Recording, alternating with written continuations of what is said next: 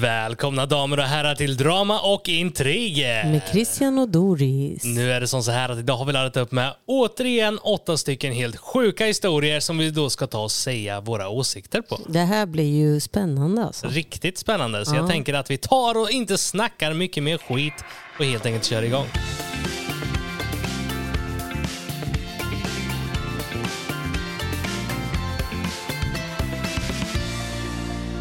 döpte barnen efter katterna.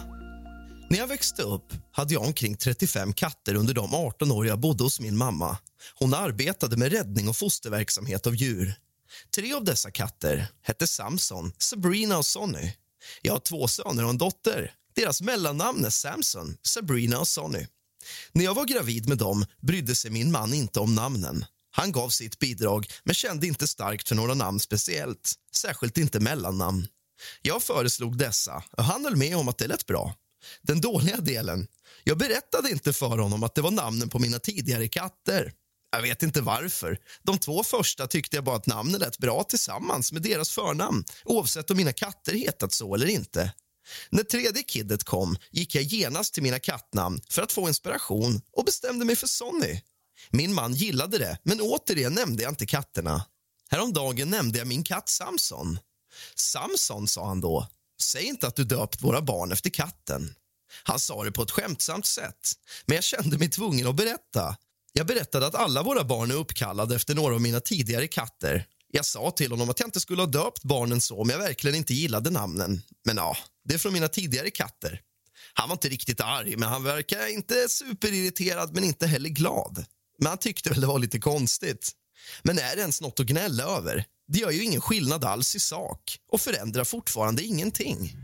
Eller gör det det? Alltså jag anser som så här, hon ska ha ju liksom haft 35 katter sa hon. Alltså tidigare, det är ju inte några katter. Jag tycker att det här var så löjligt. Ja, Jag tyckte att den här historien var riktigt löjlig. Alltså det, det är namn liksom. ja, vad spelar det för roll? vad, vad ska du skjuta över? Bitch please. Nej nej nej. Ja, men alltså så här, Ja, det här var löjligt. Det, Ja. här, det här var IG alltså. Ja, och det är det att alltså, när man ska välja namn till sina djur så väljer man ju oftast namn man tycker är fint. Oftast. Men alltså, Mm. liksom, hon väljer tre fina namn. Och sen när hon, hon har liksom haft 35 katter, det finns väl inte så mycket namn kvar där ute va? Nej, och jag det- menar jag har döpt mina barn efter mörderskor och mördare. Våra. Våra, våra, inte Våra, mina. ja. Våra. Vi, Ja. har, alltså, vi har ju då Jason, Ja, det är ju efter Jason uh, Warris. Jason Voorhees. Och sen så Voorhees. har vi då Cataleya. Ja, och det är ju Cataleya efter filmen Colombiana. Precis. Och jag vet att när jag talade om att jag ville att Cataleya skulle heta Cataleya, det var big no-no. Jag bara jo, jo, hon ska heta Ja men det. alltså det var så jag ansåg Cataleya lät konstigt till en början men liksom det växte på mig och idag är ju inga konstigheter. Vår dotter är en Cataleya liksom. Ja, ja, ja. Men det beror lite på vem som frågar också. Är det som sa Cataleya, vad är det? Vart, vart är det namnet det är ifrån? en orkidé. Om Ja. det, Om det är en äldre person som frågar. ja, ja, det är en, mör- det är en, eh, vad var hon? Lönnmörderska? Ja, hon var lönnmördare. Ja, det var väl typ att några onda, det här är då en film som heter Colombiana. Och har ni missat den filmen, alltså den är fett bra. Alltså ni måste se den, den är så, så, så bra. Det, jag har för mig att det är någonting med att typ några dödar hennes familj. Någon Ja, just när hon var liten. Ja, Ja, och sen så hämnas hon på dem. Hon blir lönnmörderska liksom. för hon ska ju, hon ska minsann, eh, hon ska hämnas. För det är många som pratar om, eh, hade en mamacita som hette Cataleya. Ja just det, Alltså, men det den är här ju låten kom låt. ju, ja men precis, ja, de har ju också tagit eh, inspiration ifrån Colombiana-filmen. Exakt. Eh, så, Många liksom säger, ja men Cataleya, ah, är det efter låten Cataleya? Nej. Nej det var det inte, utan Vår- filmen kom först. Precis, våran dotter är född innan den där låten vart stor. Exakt. Men på tal om bra filmer, det här är helt obetalt, det här, vi tjänar ingenting på att säga det här, men vi såg den bästa filmen jag sett i år ärligt talat. Ja den var så bra, så bra. Eh, Den finns då att hyra på SF Anytime och den låter som ett samarbete, men det är inte det. Vi betalade för att hyra den här filmen Ja det faktiskt. gjorde vi faktiskt. Och den hette The Black Phone Alltså den var så bra. Det, det, det var länge sedan jag såg en skräckfilm som var så bra. och som hade bra slut. Den var liksom Ja. spännande genom hela, lite läskig. Ja. Eh, The Black Phone handlar då om eh, Eller en... det är väl ingen skräckfilm kan man väl inte säga? Eller? Jo, men det har ju med spöken och saker inuti. Ja, ja i och Li, för sig. li, lite läskig sådär. Men den var, den, var, den var riktigt bra. Det var ingen slash horror blodfilm liksom. Inte Nej. så, ingen Texas Chainsaw Massacre. Nej exakt. Men det handlar om en pojke som blir kidnappad av en eh, ond, ond person som har mask på sig. Ja. Och sen eh, typ eh, de tidigare barnen som blivit mördade av samma gubbe kan kommunicera med den här pojken via en telefon. Typ. Alltså den är, är asbra. Ja, den var riktigt bra. Men jag tänkte så här, jag tänkte på den filmen när vi satt och tittade på den. Aha. Jag trodde ju att det skulle komma fram att han var pedofil. Ja, Men han var, aldrig, han var ingen pedofil. Han bara, han bara tillfångatog kidsen liksom. Och mördar dem. och, och torterade dem. Liksom. Ja. Ja, men alltså, ni måste se den. Alltså, please do. Please do. Vi biter oss själva i tungan här för att inte avslöja för mycket. Men alltså, Den slutade... The Black Phone. Har ni inte sett den så kolla på den.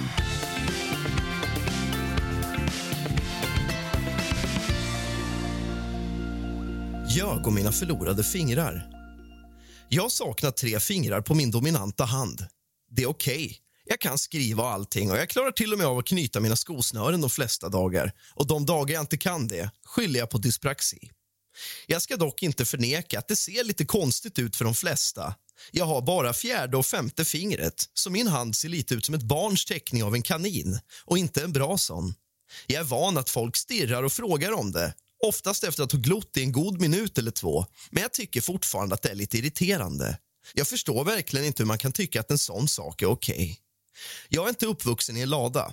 Vanligtvis brukar jag kväva frågan i sin linda genom att förklara sanningen från början och att anta att tillräckligt många människor kommer att skvallra om det för att budskapet ska spridas i slutet av dagen. Det gör det alltid.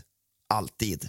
Hur som helst, jag började på ett nytt jobb för ungefär en månad sen och jag kunde verkligen inte stå ut med att gå igenom samma cykel igen. Jag kände att det var dags att inte spela med er längre och göra något av det. Och jag bestämde mig för att få mig själv att skratta. När den första nya arbetskollegan frågade om det ljög jag fullständigt och berättade att jag tuggade av fingret när jag var liten. Jag bestämde mig sen för att berätta för nästa person som frågade att jag skar av det med en plastkniv på en picknick. Och nästa person sa jag att jag föddes med sex fingrar men att de tog bort för många och så vidare. Alla genuint löjliga anledningar, men jag är en bra skådespelare och de trodde faktiskt på mina dumma lögner. Jag förväntade mig inte att de skulle göra det. En plastkniv inom ett ben. Kom igen. Men så var det. Kanske trodde de att det inte fanns en chans att jag skulle ljuga om hur jag förlorade mina fingrar. Inom ungefär tre dagar fick jag veta att mina arbetskamrater hade diskuterat den verkliga orsaken och det verkade som om många av dem nu aktivt ogillar mig för att jag ljög för dem. Jag kommer förmodligen att behöva göra några cupcakes under helgen med min supercoola 3D-printade adaptiva visp för att komma tillbaka i deras goda böcker. Hur som helst, jag berättade den här historien för min bror idag och han sa att jag var en skitstövel eftersom jag orsakade spänningar på arbetsplatsen på första dagen och fick folk att känna sig dumma för att de var godtrogna och trodde på mina lögner. Mitt argument är att jag inte är en skitstövel eftersom de ställde en oförskämd, om en vanlig fråga och eftersom jag inte gjorde det med avsikt att lura dem då jag bara var ärligt trött på frågan trodde jag inte att de skulle tro att jag faktiskt hade skurit av tre fingrar med tandtråd när jag var tre år gammal. Uppdatering. Jag tror jag ska kolla här. Jag börjar bli riktigt trött på att förklara varför det inte är coolt att fråga folk hur de förlorat lemmar eller siffror bara för att du vill stirra din morbida nyfikenhet. Några påminnelser till folk. Jag är inte en man. Vet inte varför alla antog det. Fråga inte folk om något som kan vara traumatiskt. Särskilt inte när du inte känner dem. Ja, vad ska man säga? Jag tycker att det där var, det där var fan kul gjort. Jag förstår, alltså förstår eh, genom hennes eh, alltså uppväxt så. Ja. Vad hon har fått den här jävla frågan. Och vad trött man måste vara på den jävla frågan. ja, men jag förstår Jag det. tycker det är så fräckt också att folk ens att folk ens frågar en sån grej. Alltså jag har aldrig begripit det. Om någon kommer med en arm, ja, vill personen i fråga berätta vad den har gjort? Men jag skulle aldrig vara den som frågar. Alltså det är så fräckt att göra det. Ja, det är väldigt fräckt som sagt som du säger att fråga vad har hänt. Det kanske man kan göra någon gång Eller längre man- in. om man- alltså, om, ja, om man lär känna varandra lite Ja. bättre, då kan man liksom, okej men vad händer egentligen? Hur kommer det sig att du bara har tre fingrar? Exakt. Men det är ingenting man tar upp första gången man träffar någon. Bara, oh shit, har du bara tre fingrar? Ja exakt och ifrågasätter och Ja. man får känna sig som en apa i en bur på en Ja. cirkus. Liksom. Nej men jag fattar den grejen. Jag tycker, inte, jag tycker det var kul gjort. Alltså det, det var en fräck grej, då kan man göra en fräck grej tillbaks. Jag kommer ihåg att vi hade en kille på skolan, han hade också sådär. Han hade saknat ett finger tror jag. Mm. Men man frågar ju aldrig. Alltså, så här, man, man är väl ändå normalt uppfostrad liksom. Ja, men många de har inga hämningar. Alltså. Det finns folk där ute som skiter alltså, så här, de har inga, finns inga hämningar. Nej, och det måste ju ändå vara ganska synd om henne. Alltså, fine om man saknar ett finger eller något sånt där, eller en halvt finger. Eller, men hon saknar då alltså tre fingrar. Det måste ju se väldigt konstigt ut på handen. Alltså, det är väl lite my germs.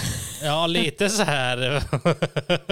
Ett scary movie. Ja, ja, men exakt. precis. Ja, men jag tycker fortfarande det är så här, det är så fult att fråga en sån. Jag hade aldrig gjort det. Nej. Första gången du träffar dem, åh du har tre fingrar, vad har du gjort? Ja, alltså det, är så här, ja, det gör man ju inte. det är så jävla fräckt. Det kan vi fråga någon. Så jag Liksom, förstår- När man blir bättre kompis kan man gå in på ett lite försiktigt. Jag eller- förstår absolut henne. Jag Ja. hejar på henne. Ja. Det där var ju så roliga historier. Alltså så här, hon bara så här, oh, here we go again. Liksom, och Ja. drar, en, drar fetinglögnen. Ja. Jag tycker det var kul. ja, jag är lite kluven här om hon faktiskt gjorde rätt eller Ja, inte. men det Alltså, gjorde hon. Hon gjorde ju rätt i som sa, att hon, jag förstår att hon är trött på det, men samtidigt att ljuga om det till sina nya arbetskamrater. Jättekul. Alltså, jag hade ju, alltså hade det varit jag så hade jag liksom kört den här, ah, men nej men jag drog av det med tandtråd, jag hade hittat på något. Och sen när de tror på ett stenhårt, innan man liksom avslutar meningen eller innan man liksom går därifrån så bara, äh, just det, jag bara skojar. Alltså, så Alltså här, det, där kan vi, det är ju så typiskt dig att göra Ja, så. ja. Så det gör Christian jämt till, Det- det är det med, till. Rask och till Emil i Landskrona. Så kan han hitta på något och ljuga. Bara, "Åh, vi, jag, vi ska ha ett till barn. Va? Är det sant? Nej. ja men det är det. När man drar såna här skämt, det bästa jag vet det är att avsluta skämtet fort. Alltså så här, "Vad du Rask, vi ska köpa en Lamborghini. Va? Seriöst? Nej. Ja, Han har ju svårt att tro på dig när du säger saker. Oavsett vad jag säger så är det så här, va? På riktigt? Nej. Han bara, du ljuger va? Alltså avsluta skämt fort, det där är det bästa jag vet. För det finns ju sådana som skämtar och så kan de dra ut på det hur länge som helst. Men de bara får någon chockad och liksom bara, va seriöst? Eller bara, va? Nej. Nej. Ja, exakt. Ja, det bästa jag vet, det bästa jag vet. Låtsades få sparken. Jag är en gymnasieelev med ett helgjobb på ett café. Mina arbetskamrater som arbetar på helgerna är James, ägarens son, och han går i min skola. Han är skiftledare, men det är ingen riktig formell sak. Han är en vänlig kille. Sen har vi Daniel, en collegestudent som ibland också jobbar helger. Ibland kommer kunder in och är arga på grund av småsaker. De blir bokstavligen upprörda över ingenting. Jag vet inte om de redan är på dåligt humör och letar efter någon att ta ut sin ilska på, men det händer ofta. Det är så sorgligt att man måste vara vuxen och låta sin ilska gå ut över gymnasieungdomar och studenter. Så James och jag skämtade om att ha lite roligt med dem och förhoppningsvis få dem att sluta med oss. Så en dag var jag på jobbet och en kille blev arg på att vi inte gjorde kaffe tillräckligt varmt vilket jag inte kunde göra något åt eftersom jag gav honom kaffet direkt ur maskinen. Så kom James och frågade om det var något problem. Killen började också skälla på honom. Så han sa bara att det är oacceptabelt och att jag får sparken. Jag började bete mig riktigt sorgligt och sa Nej snälla ge mig inte sparken, min familj behöver pengarna. Jag behöver det här jobbet snälla. Och han spelade upp sig som en tuffing och så åt mig att ta av mig förklädet och gå. Den arga killen började backa tillbaka och sa att det inte var ett så stort problem och att han inte behöver avskeda mig för det. Han menade det inte. Men James sa att vi är stolta över att ha den bästa kundservicen. Efter allt detta drama hade jag naturligtvis fortsatt på mitt jobb. Vi spelade bara teater och vi hade gjort det ett par gånger. När en kund tappar humöret på mig eller Daniel stormar James in och avskedar oss. Och nästan varje gång ber personen som kom in arg om ursäkt och säger att han eller hon inte menar det. Det är ganska tillfredsställande att få folk att inse deras handlingar och att det kan få konsekvenser. Hur som helst, jag berättade om detta för mina vänner från skolan och några av dem tyckte att det var ett elakt skämt medan några tycker att det var helt rätt. Vi är inte mer än människor och ska inte behöva ta vad som helst. Men att låta någon gå därifrån i tron om att de hade fått någon som desperat behöver pengarna att få sparken. Är jag en gris för det här? Men å andra sidan ska man behandla serveringspersonal hur som helst. Jag tycker det där var riktigt, riktigt skoj! Jag med. Hurra! Hurra tycker jag, du tycker som mig. Det där var ju jättekul. Alltså så är det. Alltså, folk, folk, folk kan vara såna Svin. svin alltså. Ja. Att liksom, visst att det är någon som är anställd, Mm. men det är oftast inte den personens fel.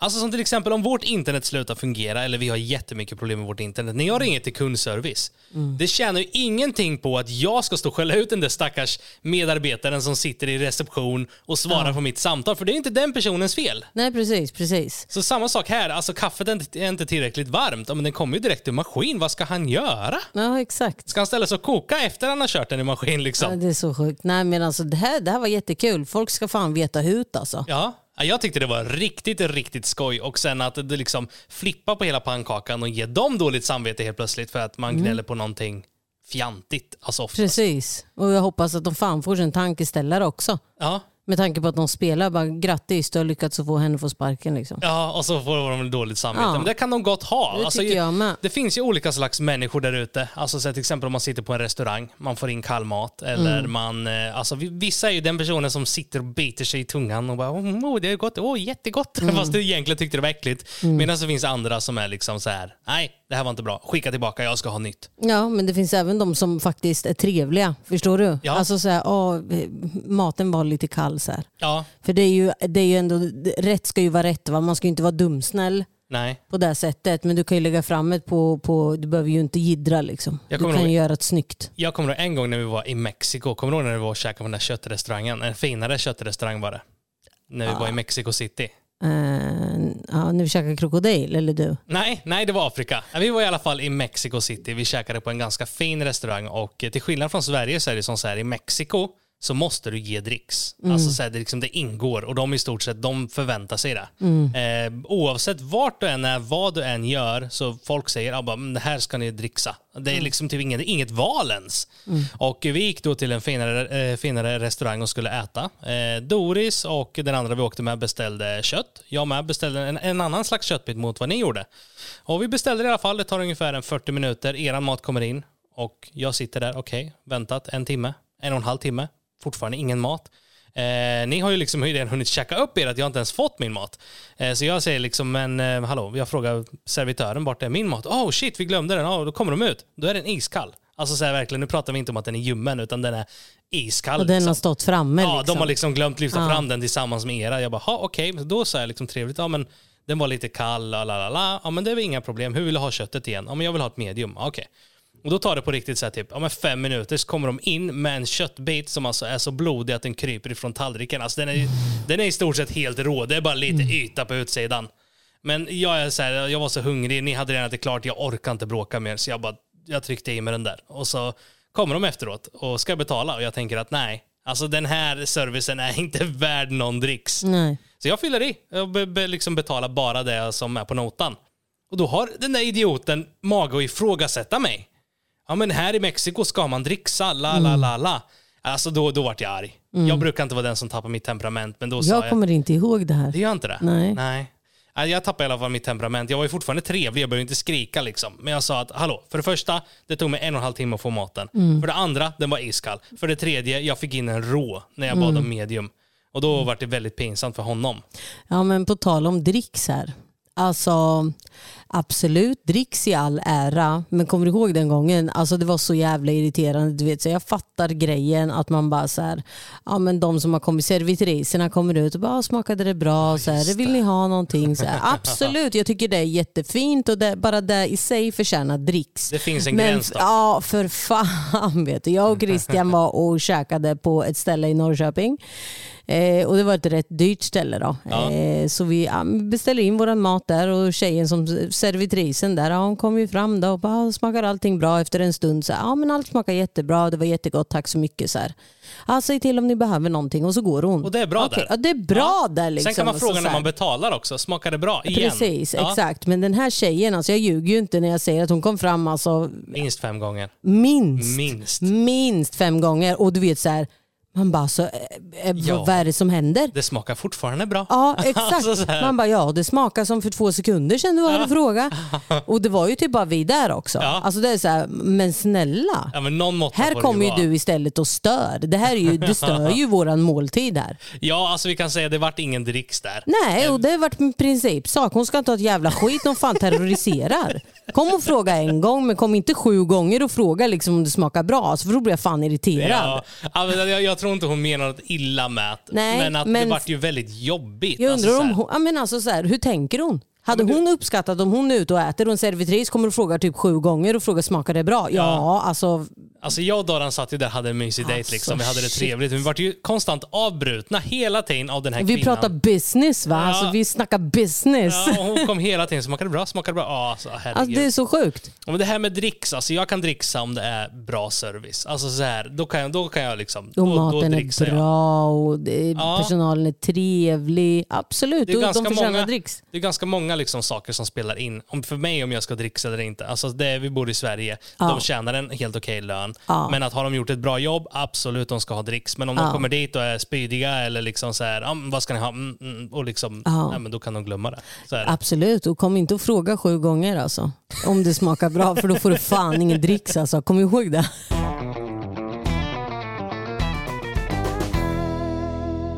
berättade för barnen att de inte är syskon.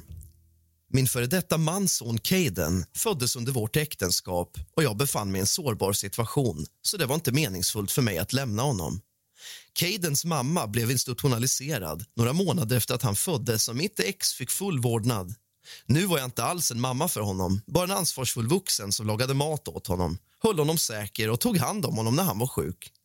Jag lämnade slutligen min situation när Caden var tre år och jag sitter fortfarande barnvakt åt Caden ibland eftersom jag är den enda han känner sig bekväm med, förutom sin egen pappa. Nu efter att ha kämpat min fertilitet i flera år fick jag ett överraskningsbarn med min vän Will. Det var som en chock för oss båda, men vi bestämde oss för att ta emot gåvan och vara medföräldrar tillsammans. Will är min bästa vän och hans son Aiden på fem år är en älskande storebror till min dotter som nu är sju månader gammal.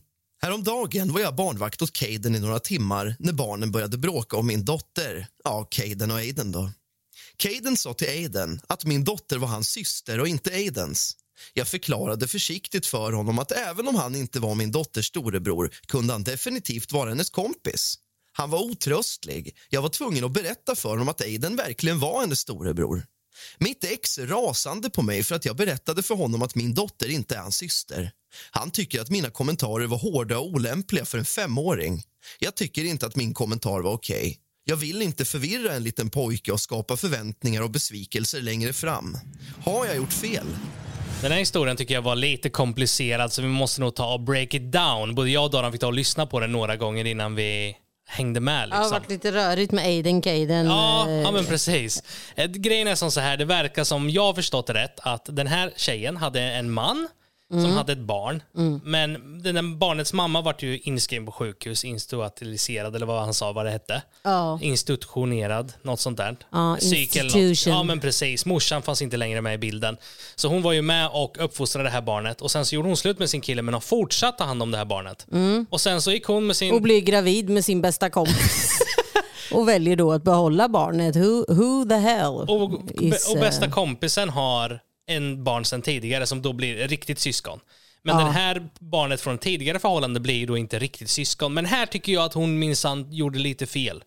Alltså ungen är fem år. Mm. Ja. Och syskon och allt det här, det är inte bara alltid blod. Det kan vara liksom familj även fast man inte är blod. Absolut, det är inte, blod är inte alltid tjockare än vatten. Nej, och det är som så här att alltså, jag har liksom, jag är i stort sett uppfostrad med mina kusiner. Alltså och mina kusiner, visst är mina kusiner men jag ser dem mer som mina Bröder, bröder. ja, alltså vi, precis. för att vi är uppfostrade på det sättet, varit med sen vi var små och har lekt som bröder. Ja. Så jag ser dem mer som mina bröder än kusiner liksom. Ja. Och precis här tycker jag det är väldigt fel för en femåring att förklara att det är inte din syster.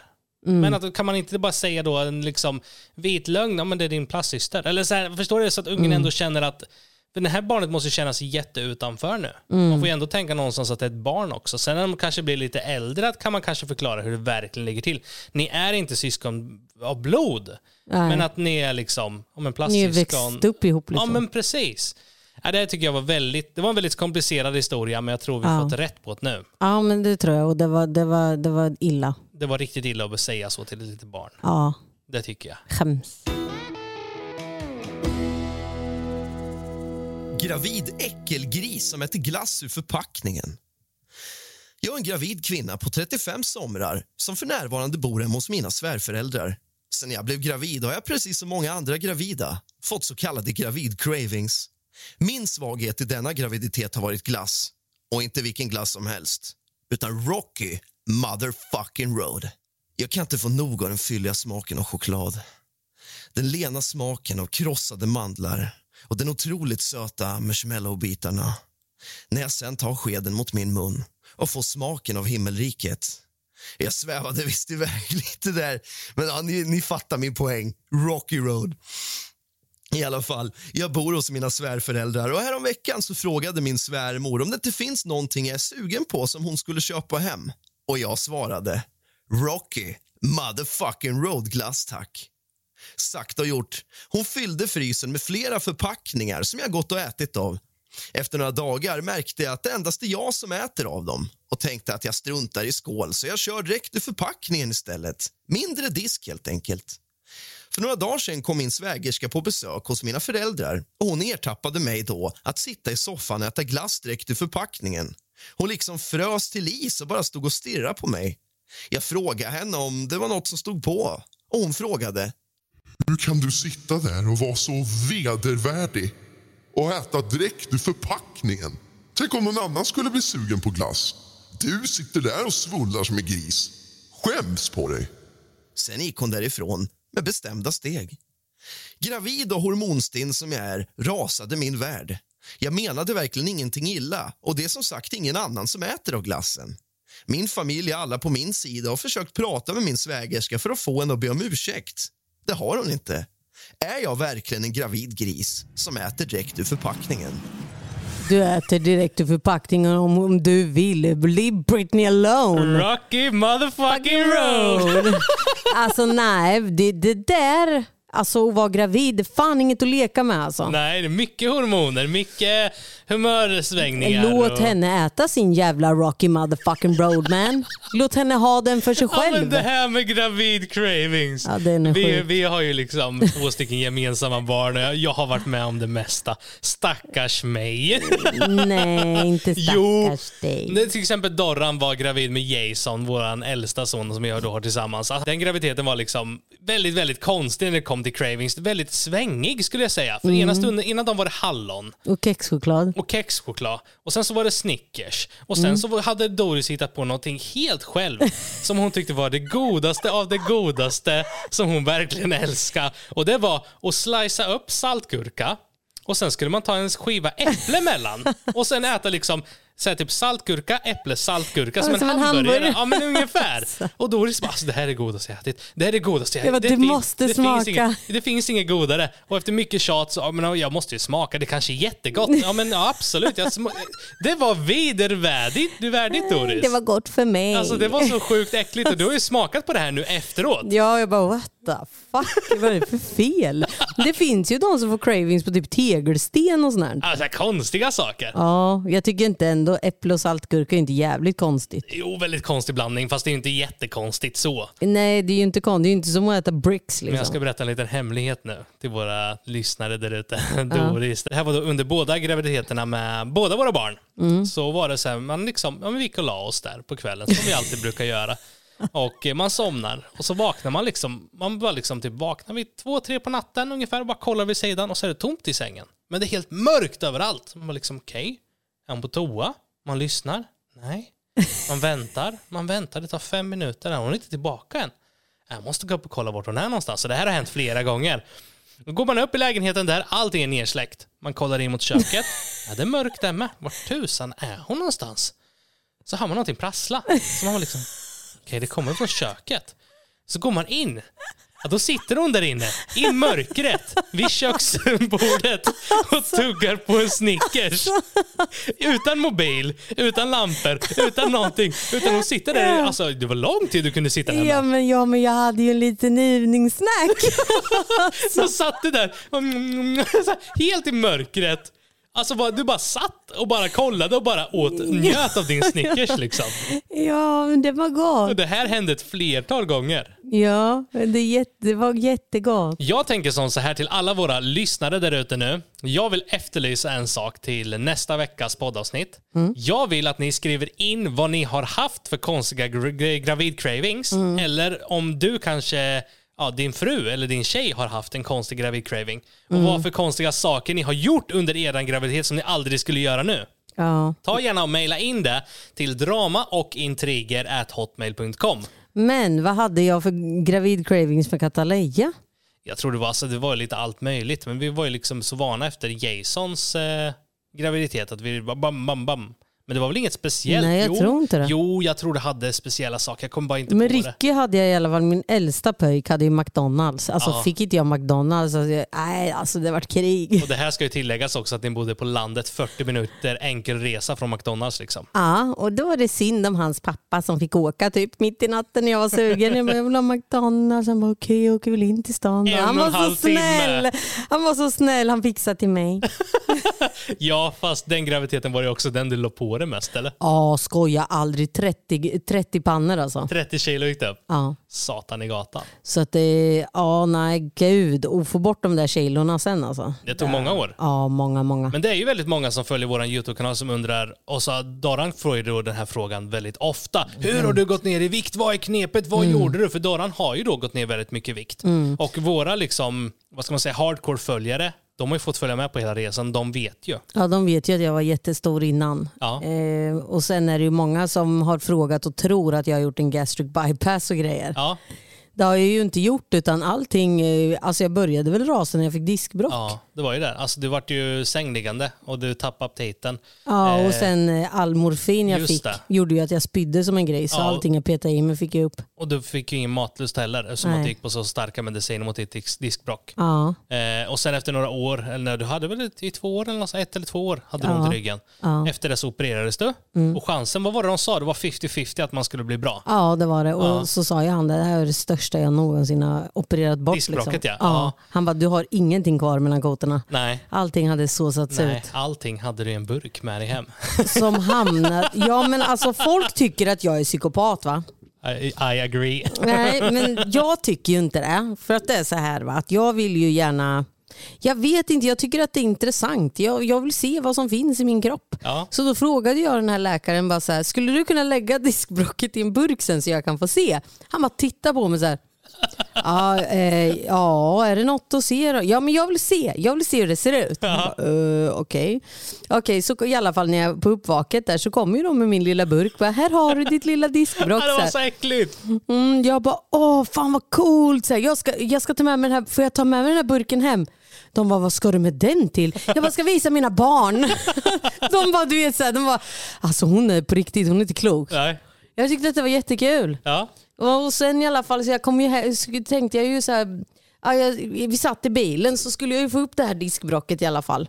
Mm, och så såg jag att det har ju för fan åkt ut i hela väskan. Hela min handväska var full med diskbrock, så här, Ja, små köttklumpar i hela... Nej usch, nu får du sluta Doris. Nu är jag så väldigt jag äckligt. visste, ja, men jag visste ju inte hur jag skulle tala om för dig det här i bilen. För Nej. jag bara, fuck. Du vet, så här, jag bara, Chris, Christian. För jag, jag tror jag skulle ta upp burken och visa för dig i Ja, bilen. ja.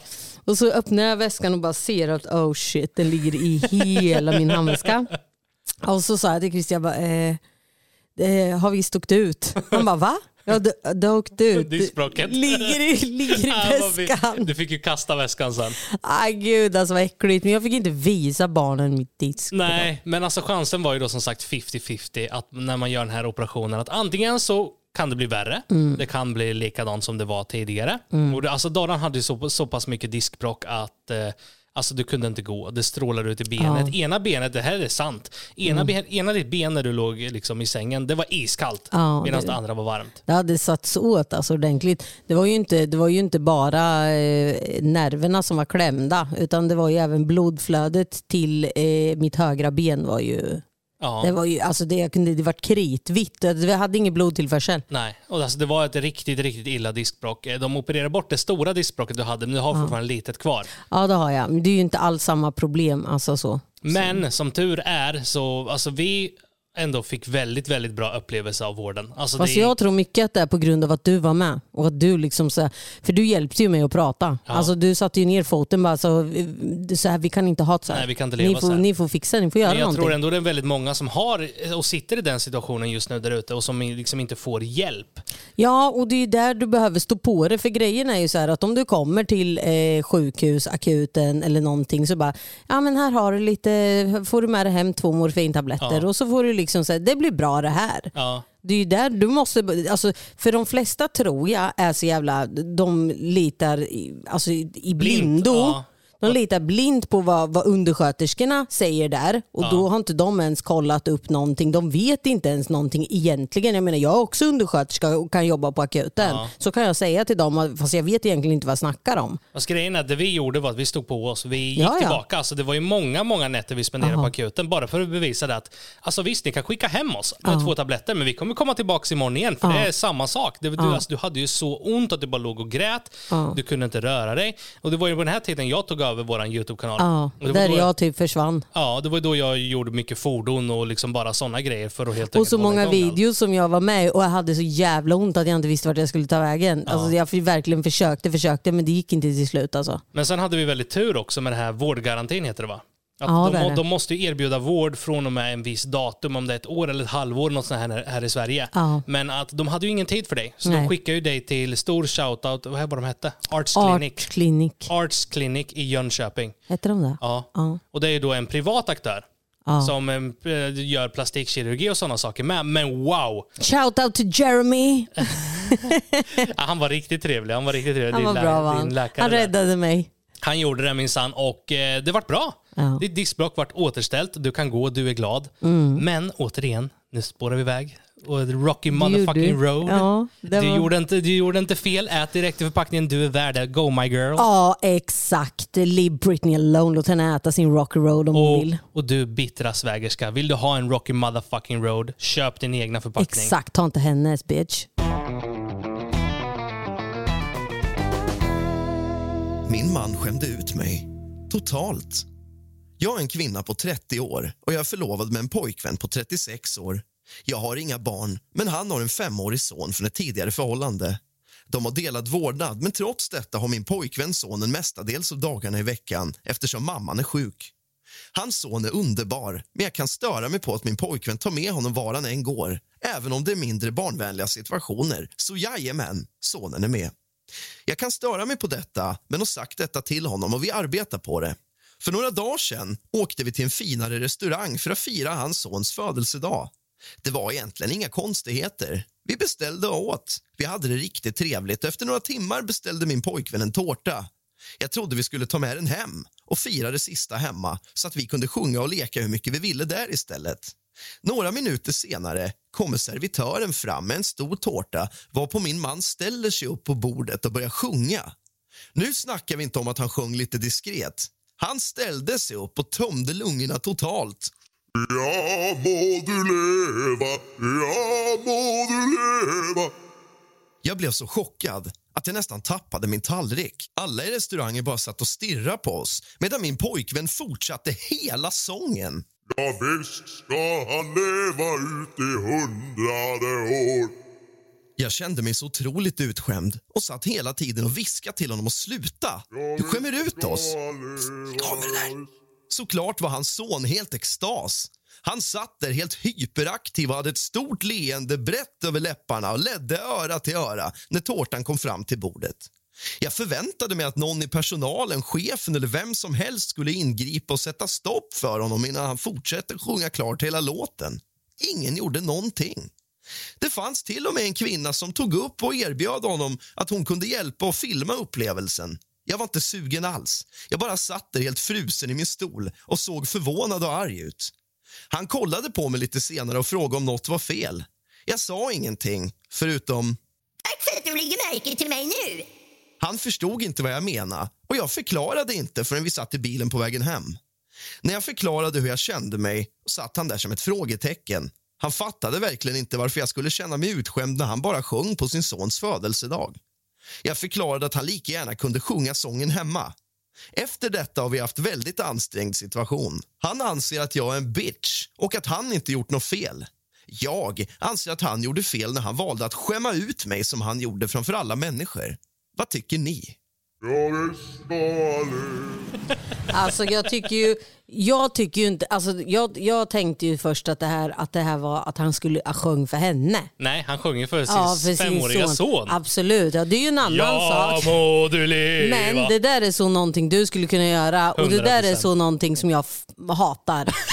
Det där är att skämma ut mig, var tyst. Håll inte på. Jag tycker att det är Doris, jättepinsamt. Nu är det som så här, nu ska vi fira våran barns födelsedag. Shut the fudge up, sätt i Ja. hörnet, ta en filt över huvudet för nu jäklar ska pappa sjunga här. Jag hade gjort samma Ja, sak. ja men alltså det är en annan sak om det är till eh, ens barn. Ja men, han, ja, men sjung för Då, henne. nej, ja, men då hade jag sjungit med, absolut. Men alltså, om det är för mig själv, då hade jag bara såhär, för fan, folk. Kom inte ut med. Jag tycker det är jättepinsamt. Jag, så här, det, det många inte vet om mig, alla, eller alla, men jättemånga tror att man är så jätteframåt och jätte, bara för att man är cray cray liksom, så här, i video och sådär. Men det är ju för att man är i en trygg miljö. Men i själva verket så är jag jätte, alltså jag är folkskygg. Ja. Jag är ju fruktansvärt folkskygg. ja, det är det. Jag mår jättedåligt när det är mycket folk. Jag har till och med svårt att gå i affär när det är mycket folk. Det är lite social fobi. Ja, det, ja Men verkligen. jag tror det här är någonting allmänt som är väldigt lätt att utveckla som youtuber faktiskt. För det är ju inte bara Mm. vi, alltså, eller bara du som är. Jag är inte, jag, alltså, jag är inte lika folkskygg som du är. Nej. Men att det är ju väldigt vanligt inom våran bransch där vi jobbar i YouTube att man är väldigt skygg. Jag tror nog att det bara alltså så här, själva grejen att man, man förstår inte riktigt hur, alltså så här, om man blowar eh, och att folk börjar känna igen en. Man fattar inte riktigt alltså. För det känns ju inte som att ja, vem ska se det här när man gör en Ja, video. ja men precis. Och så helt plötsligt blir man igenkänd. Det är jättekonstigt. Och sen så är det också så som youtuber i allmänt så jobbar man ju mycket själv. Alltså man är hemma, man gör väldigt mycket liksom arbete i sitt hem oftast, eller på Ja. sitt kontor och man är mycket själv. Man kanske Ja, är med sina du och jag, kompisar. Ja liksom. men precis, vi filmar ju våran vardag. Sakerna som är så sjuka som vi gör, ja, men det brukar vi göra till vardags också liksom. Ja men alltså det är inget konstigt. Vi är alltid, alltså ända sedan vi träffades så har du alltid haft eh, en kamera. Ja. Alltså och, jämt, Ja. alltid. När vi festade, när vi drack bärs, när vi... Alltså du har alltid haft en kamera i handen. Alltid. Och det var ju inte ens till YouTube. då. Nej, jag la inte ens upp det. Jag bara Nej. sparade. Det var kul att ha. Ja, och sen eh, någon gång ibland kunde jag göra någon så här, eh, på göra en YouTube-video. Alltså det här nu snackar vi om för väldigt många år sedan när Mm. YouTube var nytt liksom. Då kunde jag liksom samla ihop alla bilder och videos jag tagit, klippa ihop det och bara lägga ut Ja, som polarna kunde kolla på festvideos och så ja exakt. Men sen är det ju som så också, man är väldigt utsatt som youtuber, i, eller offentlig människa överlag. Det kan Mm. vara skådespelare, artist, sångare, allting sånt. Men att när man går ut, alltså vi i Sverige är väldigt skonade, det är jag väldigt glad för. Mm. Alltså fatta till exempel hur Justin Bieber har det. Nu säger inte jag att vi har det jättejobbigt, absolut inte, men när vi går ut och går på stan, vi kanske ska äta med familjen och sånt, det kommer fram väldigt många och vill ta bilder och sånt och absolut, det ställer vi upp på. Ja. Men att man blir alltid uttittad. Vart man än är Ja, så, så är det alltid folk som stirrar. Och, Alltid. ja, och det där som är så sjukt. Alltså jag vet så här, när vi åker utomlands, det är så konstigt för det är ingen som tittar. Fast när vi har varit på ställen så finns det ju svenskar också som känner igen oss. Ja, fast det är inte i närheten Nej. av samma grad. Liksom. Nej, Visst, vi, blir, vi blir fortfarande igenkända utomlands med. Och det här är ju inte någonting, det här är ju så här, ja, men folk tänker nu, oh, men wow, vilka bekymmer. Men alltså det blir jobbigt efter ett tag. Alltså, ett, Alltså jag, kan väl, år. jag kan säga som så här, va, att jag, var, jag kommer inte ihåg vart vi var men det var på Arlanda i alla fall. Och jag, jag skulle ju du vet, så här, gå ner i de Nej, det där... var inte på Arlanda, det var, vi åkte hem ifrån Spanien tror jag. Så det var liksom flygplatsen utomlands var det. Ja, det var det ju ja. just det. Ja, det var utomlands på en flygplats då, och där var det ju sådana rullband du skulle gå i, här trappor. Då Var det knö- trappor? Och jag knöt ju aldrig... rull- Rulltrappa. Rulltrappa och jag knyter väl aldrig mina dojor. Va? Jag är så dålig på det. Ja. Så att jag fastnade ju där givetvis och typ slår omkull, slår halvt ihjäl mig där. Och det var så pinsamt. Jag bara ställer mig upp fort som fan, kollar runt så här. Men Ingen fan, såg. Vad, ingen såg, ingen såg. Men så, och också tänkte jag också så här, men fan vad, det är bra, det här hände utomlands liksom. Ja. Jävla padda bara ramlar ner ifrån eh, rulltrappan. Nej, tror ni inte då att det är någon som skriver till mig på Instagram? Haha, jag såg dig i Spanien på flygplatsen när du ramlade.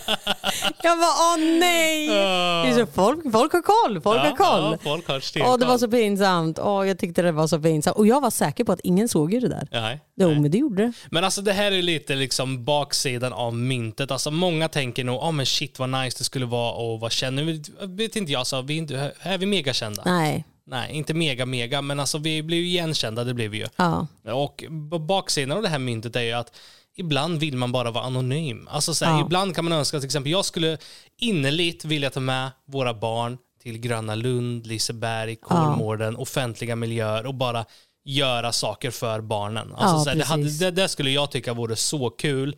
Men att det går inte. Alltså, vi har försökt gå på Gröna Lund. Mm. Vi stod tre timmar inne bland barnkarusellerna i början och bara Mm. tog bilder. Absolut, det är jättekul. Vi älskar att ta bilder mer, eh, som tittar på vår YouTube-kanal. Men det, hela upplevelsen för barnen vart ju förstörd. Alltså vi hann Ja. åka tre karuseller på hela dagen typ. Det var liksom, Ja. det var jättetråkigt. Ja. Eh, så det är väl lite baksidan av myntet. Man ska inte klaga. Vi har ändå valt att liksom jobba med det vi gör och vi älskar. ja, vi gnäller absolut inte utan eh, det är ju så här det har sett ut liksom, för våran del. Ja. Eh, men att det är jätteroligt. Men Någonting jag tycker dock kan vara lite jobbigt är om man till exempel sitter och äter. Alltså vi, vi tar gärna Ja, men där bilder. har ju vi sagt ifrån om. alltså så är det ju bara. Men det gjorde vi inte i början. Det Nej, liksom, det gjorde vi inte. Efter några år så har vi känt att det är enda gången vi säger nej till bilder, det är när, eh, ja, men när vi sitter och äter. Mm. Vi har lärt oss det. Alltså, om en kommer fram och vill ta en bild, "Ja, men kan vi ta en bild om man ser att vi sitter och äter? Och vi bara, ja, men visst, ja, men okej, det är lugnt sen. Ja, då kommer den, men då tror nästa person som ser oss att det är Mm. också okej. Och till slut bildas det kö. Och då får man stå där och ta bilder i en kvart och sen när du ska käka maten igen så är det liksom, det är kallt. Ja. Och, ja.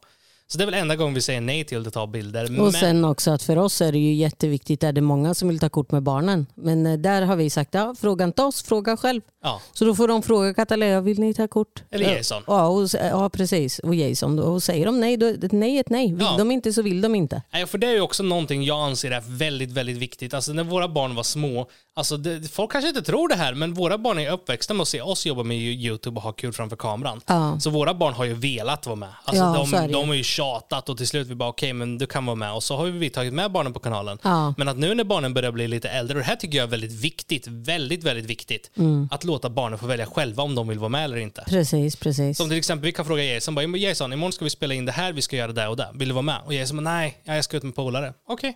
Och det är Mm. inga problem. Och samma sak med Ricky. Han var ju med mycket förut och det är många som frågar vart är Ricky? Varför inte Ricky med? Varför? Alltså så här, folk antar att det ska ha hänt någonting bara för att inte barnen är med. Utan det är inte där det, är inte där det handlar om. Utan det handlar om att de har en egen vilja. Vi skulle aldrig någonsin tvinga våra barn att Nej. vara med om de inte vill. Nej. Och sen Ehm. vi, ibland, som Jason, han vill ju inte vara med på allt. Men ibland så Nej, gör vi någonting ja. som han tycker är extra kul och då vill han vara med. Precis. Och du, vi låter dem välja. Och Ricky liksom, han tyckte det var kul, men sen så vart han tonåring och Ja. kände att han vill flyga, testa sina e- egna vingar och liksom köra själv. Och vi, då sa vi inga problem. Nej, Och du det- behöver inte vara med, absolut inte. Nej, och det tycker jag är väldigt viktigt. Liksom, att det för barnen är YouTube inget jobb. Nej. Barnen är YouTube för att det är kul. Ja. Och tycker de inte det är kul så behöver de inte vara med. Nej, precis. Men återigen till historien då. Vad var historien om? Att han sjöng för grabben. ja, Ja, men det var, det var kul gjort. det är Eh. mycket kul gjort. Jag hade gjort exakt samma sak bro. Mm, I know bro, men inte till mig bro, för då går jag därifrån bro. Jag ska sjunga till dig nästa gång vi är på Nej, det restaurang. ska du inte. Ja må hon leva. Jag kommer ta, jag går då. Jag får inte tillaga bacon för min dotter är vegan. Jag är en fjärtig gammal pappa som älskar min dotter något otroligt. Jag kämpar dock med att se öga till öga när det kommer till min dotter och min fru på denna punkt då våra åsikter skiljer sig något. Vi har alltid varit en köttätande familj i vårt hem och bacon till frukost är en självklarhet. Tidigare i år bestämde sig min 14-åriga dotter för att hon skulle bli vegan. Som pappa hoppade jag självklart ombord med hennes beslut och stöttade det fullt ut med kärlek. Vi lärde oss hur vi skulle tillaga maten med diverse olika köttsubstitut, laga nya rätter, testa nya ingredienser. Vi ökade även vår matbudget för att kunna köpa de lite extra dyra veganprodukterna och så vidare. Inget av detta har varit några problem för mig till nyligen då min dotter såg mig steka bacon i stekpannan. När jag var färdig sköljde jag pannan och stoppade den i diskmaskinen. Min dotter exploderade och sa att jag var helt dum i huvudet. Frågade varför jag var tvungen att använda just den stekpannan som hon använder för att tillaga sin veganska kost i. Jag blev helt chockad och svarade att Hörru du lillen, denna stekpanna är familjens stekpanna och denna stekpanna har varit med sedan innan du föddes. Den är med andra ord äldre än vad du är. Det är familjens stekpanna och inte din. Hon frågade då om jag kunde köpa en stekpanna som hon kunde använda till sin mat och jag vill samtidigt inte att hon ska sluta äta, så självklart gick jag med på det. Jag beställde hem några färgglada stekpannor så att man tydligt kan urskilja hennes från våra. Tydligen dög inte det. Hon tvättar nämligen sina stekpannor även hon i diskmaskinen men kan inte längre göra det då hela diskmaskinen är kontaminerad med köttavfall. Hon kunde inte heller använda kylen då vi tidigare använt kylen för att förvara köttprodukter i. Nu har min dotter frågat om både jag och min fru kan sluta äta kött hemma. Helt ärligt så är jag inte på tim med det riktigt. Medan hennes mamma verkligen funderar på att sluta äta kött på grund av dottern. Då. Jag älskar som sagt min dotter men känner samtidigt att jag är en egen människa och måste få ta mina egna beslut.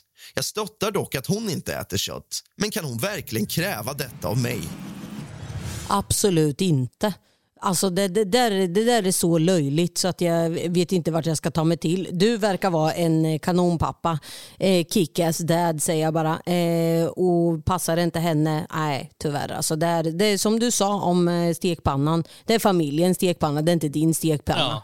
Och alltså, det här är någonting som jag tycker är väldigt viktigt här. Och det här går ut till alla veganer, vegetarianer, allting sånt. Jag köper 100% varför man är vegan. Jag förstår varför. Alltså jag förstår deras synpunkter på det hela. Och precis som med religion så anser jag att det är dina åsikter. Jag stöttar dem till 100% oavsett om du tror på Gud, Buddha eller Satan. Allah eller liksom vem du än tror på, Satan. Ja. Jag, jag liksom stöttar dig i det du tror på, men kom inte till mig och kasta skit på mig för att jag tror på någonting annat. Nej precis, Alltså- du får respekt och ska du ge respekt tillbaka så är det bara. Precis. Och respektera. Och samma sak, jag kan förstå att hon tycker det är hemskt med djur och yada yada. Men nu är det som så här, hon bor hemma hos mamma och pappa. Ja. Tills dagen hon kan fixa en egen lägenhet, Mm. en egen diskmaskin med egna stekpannor och allting, så får man anpassa sig efter situationen. Absolut. Och här fick ju då hon eh, egna stekpannor, men hon kan ju inte kräva att hon ska ha ett eget kylskåp, en egen diskmaskin och att alla andra ska anpassa sig efter hennes. Ja, och eller att hon tycker att alla andra i hushållet ska bli veganer för att hon är där bitch please aldrig i livet. Nej, men eh, ri- riktigt så funkar det ju inte. Nej. Och det verkar ju här ändå som pappan har ju skurit ner på kött. De äter väldigt Ja. mycket veganskt och eh, alltså om de alltid och då lagar en vegansk substitut till henne, om de lagar kött så är inte det några problem. Men här tycker jag det är väldigt fel att liksom tvinga andra människor att göra så som du Ja, vill eller förvänta sig. Alltså men så förvänta sig att ja, men, ja, jag drar min historia om att det är så synd om alla djur och bla bla bla. bla. Absolut, men, Nej, men det är ju det- fortfarande hans, vi- alltså, hans val om, han vill, om din pappa vill bli vegan till 100% eller inte. Ja men precis, och det är samma sak så här. Man, man tar ju väldigt många val här i livet. Som till exempel, det finns ju väldigt många där ute som till exempel slutat äta korv. Ja. När de fått reda på hur det går till och Ja. vad som faktiskt är, finns i de flesta billiga korvarna. Liksom. Ja, exakt. Eh, jag vet om vad som finns i de billiga korvarna men jag har valt att jag tycker den smakar gott Jag ändå. älskar grillad korv. Den är, den är gott. Ett öga hit och dit, det är ingen fara. Nej, det är men lugnt. alltså, det, återigen, det handlar liksom om att alla har rätt till sina e- egna åsikter. Absolut. Eh, och som sagt, det handlar om respekt till varandra. Mm. Ömsesidig ja, respekt. ömsesidig. När, när det kommer till religion, eh, alltså, om vilken, eh, vad folk har för läggning, sexuell läggning. Mm. Ömsesidig respekt. Alltså, så här, jag har ingenting emot killar som gillar killar. Men du får ju inte ha någonting emot mig som gillar tjejer. Alltså förstår du? Alltså, det här liksom, alla får göra sina egna val. Mm. Ja. Och det enda man kan göra det är att försöka övertyga någon. Mm. Varför de ska göra det, men de kan ju inte tvinga någon. Eller kräva av någon att de ska tycka som du. Nej, men jag tror att den här dottern har väl gett attityd då. Men som pappa alltså, hade ju jag satt ner foten där och hörru du, det här är, jag antar ju att det är pappan som betalar, äh, papp, mamman och pappan som Ja. betalar hyra och allting. Ja. Det är lite så här att man får rätta sig faktiskt. Man kan inte göra som ett barn säger alltså, och utgå ifrån att hon tycker sakerna alltså är att hon Nej, och sen, när, 100% och sen när, hon, vegan. när hon blir vuxen, då får hon göra sina egna beslut för Ja. Mm. sina barn och vad hon gör i sitt hem. Men att fram till dess får hon helt enkelt, helt enkelt anpassa sig efter situationen. Ja, nu så är bor det hon ju. då hemma. Ja, ni kära vänner, det här summerar då avsnitt nummer 13 av Drama och intriger. Och har ni några egna historier eller någonting ni vill dela med er av till oss så kan ni mejla. Maila då till dramaochintriger.hotmail.com precis som podden heter, at hotmail.com. Stort tack för att ni lyssnade kära vänner. Vi hörs helt enkelt nästa onsdag klockan 0600.